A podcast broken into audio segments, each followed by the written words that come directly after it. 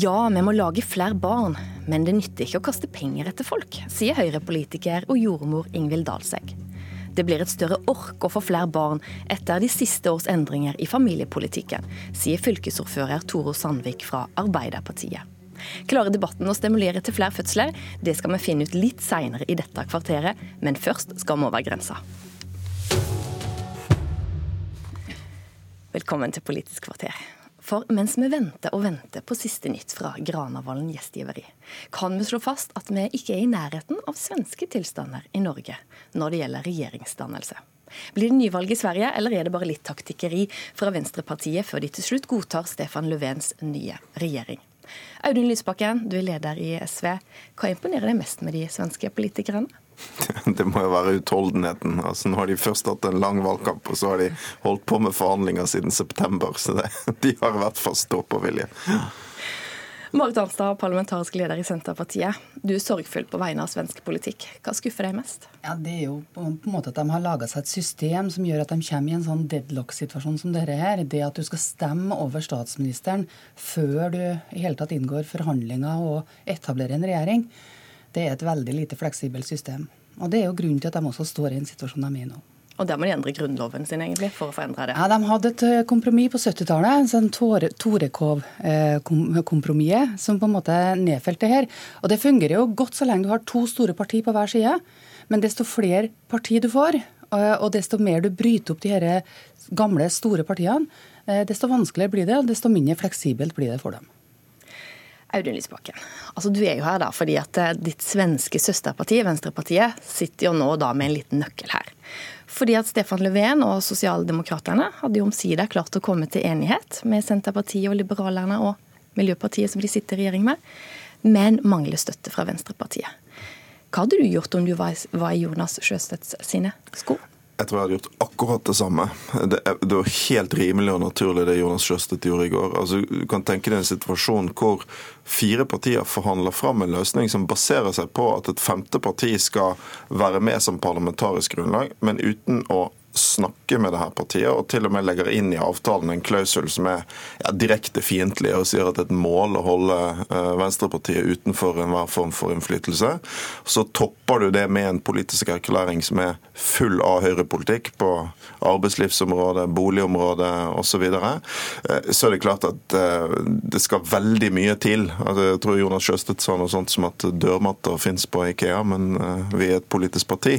det skal veldig mye til for et parti å å, å, akseptere noe sånt. Det handler om, om, respekt, og det handler også om sånn grunnleggende spilleregler i, i Riksdagen. Så det han har gjort nå, er å kreve at Löfven skal snakke med Venstrepartiet, og sagt at de ikke kan uh, bidra til denne avstemningen før de har hatt uh, reelle samtaler både om politikk og hvordan samarbeidet skal være. Men hva om de spiller så høyt at avtalen ryker og det blir nyvalg?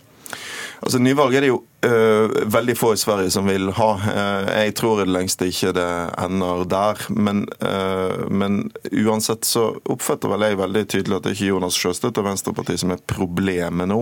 De sier jo tydelig at de ønsker å stemme for Löfven, men ingen kan forvente at et parti skal bidra på denne måten til en regjeringsdannelse som de totalt er holdt utenfor prosessen rundt. Det ser det jo også ut som Löfven nå eh, erkjenner, at det har vært en tabbe å ikke ha eh, disse samtalene, eh, og at det nå kommer i gang. Arnstad, søsterpartiet deres, da, svenske Senterpartiet, og lederen Annie Løv er altså en av de som har snudd, og som nå er innstilt på å støtte Löfven. Hvorfor er det bedre å bryte løftet om hvem du støtter som statsminister, enn å bryte løftet om å snakke med Sverigedemokraterna? Jeg tror ikke at eh, noen av de partiene som vi her snakker om, egentlig har stått i så veldig enkle situasjoner. Eh, men jeg tror også du kommer til et punkt der at noen må på en måte ta et initiativ og prøve å komme ut av den deadlocken som du er midt oppi, da, som du har vært oppi hele høst. Og da valgte Senterpartiet å på en måte ta et skritt framover for å prøve å få til et eller annet type regjeringskonstellasjon. Eh, og der, det, det var, var, nok antagelig ganske vanskelig for dem. Selv om du kanskje så litt tendenser allerede rett etter valget til at alliansen hadde litt ulike vurderinger omkring Sverigedemokraterna, så tror jeg det var et stort og vanskelig skritt å ta. Eh, og jeg tror nok også det blir vanskelig i fortsetningen, i den forstand at eh, jeg, jeg, tror på en måte Annie Løf og Senterpartiet sin, sin, ramme rundt det å bevege seg, det er at ytterpartiene, altså på begge sidene, Sverigedemokraterna og Venstrepartiet, ikke på en måte skal inn i innflytelse. Og Det skaper jo vanskeligheter i forhold til Venstrepartiet. så det er klart, denne situasjonen er ikke over. Det kan godt ende med at du får enda en runde, og at du til sjuende og sist også kan komme til å komme i en nyvalgssituasjon. Eh, Løf har jo òg blitt eh, av Kristdemokraternes leder eller blitt kalt for altså, quisling. Ganske harde ord etter denne snuoperasjonen. Men du syns hun er modig, du. Hvorfor det? Ja, jeg må si at Noen av reaksjonene fra hennes tidligere, da, liksom fra alliansen, er øh, Jeg skjønner jo at de er skuffa, men jeg må jo si at noen av reaksjonene går over alle støvelskaft.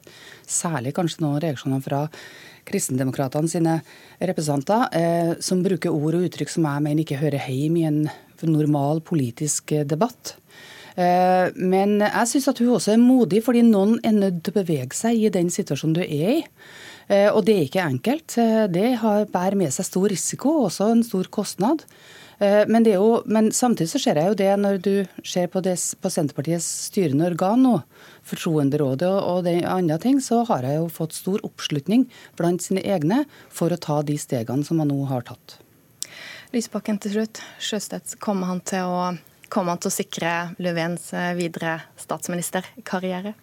Det vil jo de neste dagene vise, men han har vært veldig tydelig på at han ønsker det. altså Utgangspunktet for Venstrepartiet at de ønsker å bidra til at Löfven kan fortsette som statsminister. Selv om de støtter en ganske høyreorientert regjering, da? Poenget er at det må jo gjøres på en grunn der Venstrepartiet også tar seriøst, og der det også er mulig for de å påvirke saker. Jeg ser at de også snakker nå om å få fredet en del av de reformene som Venstrepartiet har fått til gjennom budsjettsamarbeid de siste fire årene. Og så tror jeg vi skal huske på at jeg tenker at dette er en av de beste tingene og en av de dårligste tingene med svensk politikk. Det ene er at en del av de borgerlige sentrumspartiene Senterpartiet i Sverige er jo et veldig eh, borgerlig parti, velger å trekke en linje mot høyrepopulismen. Det er bra.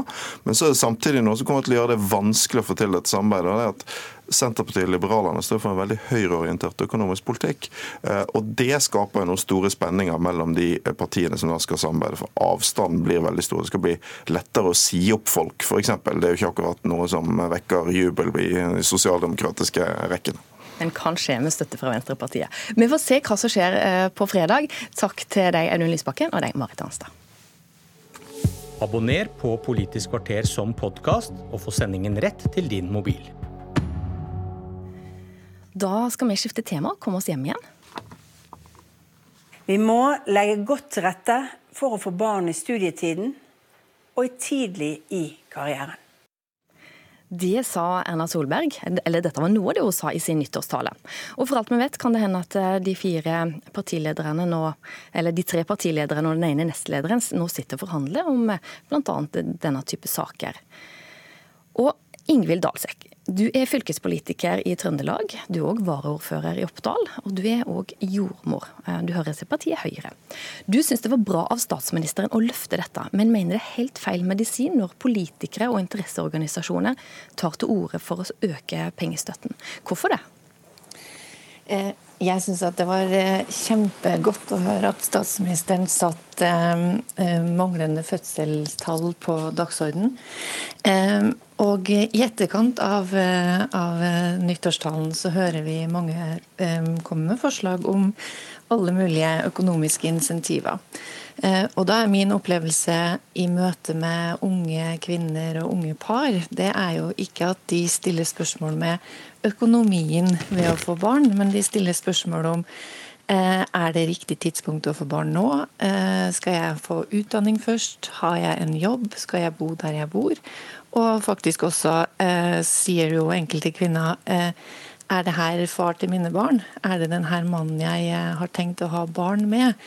Og eh, det er de aspektene jeg syns at vi må løfte og eh, debattere. Eh, fordi jeg tror, har jeg spurt en kvinne om hvis jeg gir deg 150 000 kroner nå, vil du da gjennomføre svangerskapet her? Så er sannsynligheten for at hun har sagt nei, veldig stor. Så jeg syns det er litt nedverdigende at vi gjør debatten til en eh, debatt om penger og, og velferdsordning. Og dette er du òg ute og snakker om i Klassekampen i går.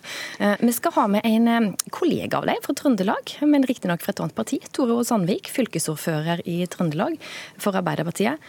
De siste ordas endringer i familiepolitikken gjør det til et ork å få flere barn. Syns du? Hvor mener du løsninga ligger?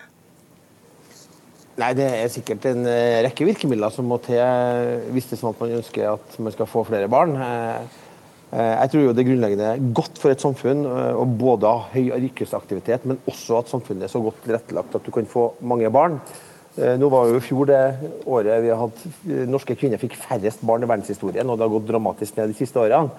Og blant annet så tror jeg det at Stortinget eh, i realiteten vedtar en ny fødselspermisjonsordning der eh, det forbeholdes flere uker til far enn til mor eh, gjennom å kutte i mammapermen, så hever man terskelen for å få barn. Eh, og kanskje ikke det første barn, men det er barn nummer tre, eh, nummer fire, som da må til hvis man skal få opp fødselstallene igjen. Gro sin familiepolitikk var jo genial på den måten at med lengre eh, fødselspermisjon, eh, gjennom barnehageutbygginga og gjennom pappapermen, så fikk eh, mødre muligheten til både å ta utdanning, familiene følte at de fikk god nok avlastning i samfunnet, og de tok også den økonomiske risikoen som det er å få barn i et samfunn som er et høykostsamfunn. Legge... det er grunnleggende godt for Norge. Og da skal jeg legge til at denne permisjonsordningen som nå er endra eh, på Stortinget, der stemte ditt parti òg for å endre den. Eh, men Ingvild Dalsegg, altså tilbake til deg. Du mener at å endre permisjon altså Dere er nok langt på vei enige om å endre permisjonsordning og flere sånne tiltak. men du vil løfte dette til et annet nivå, fordi at du mener at dette her handler om den yngre generasjonen som er altfor opptatt av å være altfor perfekte. Hva er det som må til her? Ja, eh, vi opplever jo det at eh, den ungdommen i dag og de unge voksne eh, er veldig perfekte. Altså Jenter de skal ha den riktige utdanninga, de skal ha den beste jobben. Man skal ha en perfekt uh, utseende. Uh, de skal, altså, alt det her som vi kjenner veldig godt. Og det tror jeg også uh, kommer litt til syne når det gjelder det å velge å få barn. fordi jeg opplever at veldig, en del kvinner er veldig usikre på har jeg den rette partneren. Og det kan man jo være usikker på gjennom hele 20-årene. Og så venter man til man kanskje blir 33 år, og da, da, velger man å få barn med den partneren man har. For da kjenner man kanskje at den biologiske klokka begynner å Eh, å gå. Og jeg tror ikke det valget man gjør når man er 33 nødvendigvis er så mye bedre enn når man er 23. Og eh, når man er 33, så når man heller ikke å få kanskje tre-fire barn, eh, men man når å få ett eller to. Og jeg ønsker at vi skal gjøre noen ting med de unge, jobbe med mestringsfølelsen, jobbe med det at det er en risiko å Eh, bli foreldre. Eh, man kan aldri være 100 sikker på at man har valgt helt riktig når man er i 20-årene, men det kan man heller ikke gjøre når man er i 30-årene. Og du vil ha livsmestring inn som eget fag i skolen? Ja, det tror jeg også er en, en god vei å gå. Eh, og det er jo for ungdommen vår at man skal lære å, å mestre livene sine. Eh, livet er utfordrende. Psykisk helse, det er jo at eh, vi har eh, mange dårlige dager. Ting er vanskelig. Vi må ta vanskelige valg. Vi er lei oss. Eh, og eh, det er helt normalt for alle. Vi skal slippe til Sandvik òg her. Eh, Tore Sandvik, livsmestringen som fag. Hjelper. Hva kan du som politiker gjøre for at dagens unge skal bli tryggere på å bare velge den riktige mannen og, eller kvinna og få barn tidlig? Først og fremst så tror jeg at politikere vi må gjøre som det Tage Erlander, den tidligere svenske statsministeren, sa. at vi må bygge et dansegulv så folk kan danse livene sine på. Vi skal legge til rette, og livsmestring i skolen er en av flere tiltak til å bidra til at psykisk press eh, minker blant elever, og at man har tilgang til, til helsetjenester på skolen. Det er viktig. Men først og fremst dreier det seg om å lage et eh, samfunn som legger til rette for eh, barnefamilier. Legger til rette for både å kunne ta seg utdanning, ha et godt familieliv, få tida til å strekke sammen. Og Der er det mange komponenter. En av de viktigste tingene er selvfølgelig å ha trygge og gode jobber. Eh, færre midlertidige ansatte, som gjør at folk føler at de har økonomi til å mestre det her livet uten å strekke seg for langt eh, og for å gå rundt med for høye skuldre. Så Det dreier seg totalt sett å legge til rette i kanskje verdens beste samfunn som Norge er. Men da kan vi ikke gjøre sånn som Stortinget, et samla storting nå har gjort, inkludert mitt eget parti heve terskelen for barn ved å forbeholde flere uker etter fødsel til Den debatten må vi heller fortsette en annen dag, for nå er Politisk kvarter slutt. Ingvild Dalseg og Tore Sandvik, takk for at dere var med. Jeg heter Ann Kristin Listøl, takk for at du hørte på Politisk kvarter.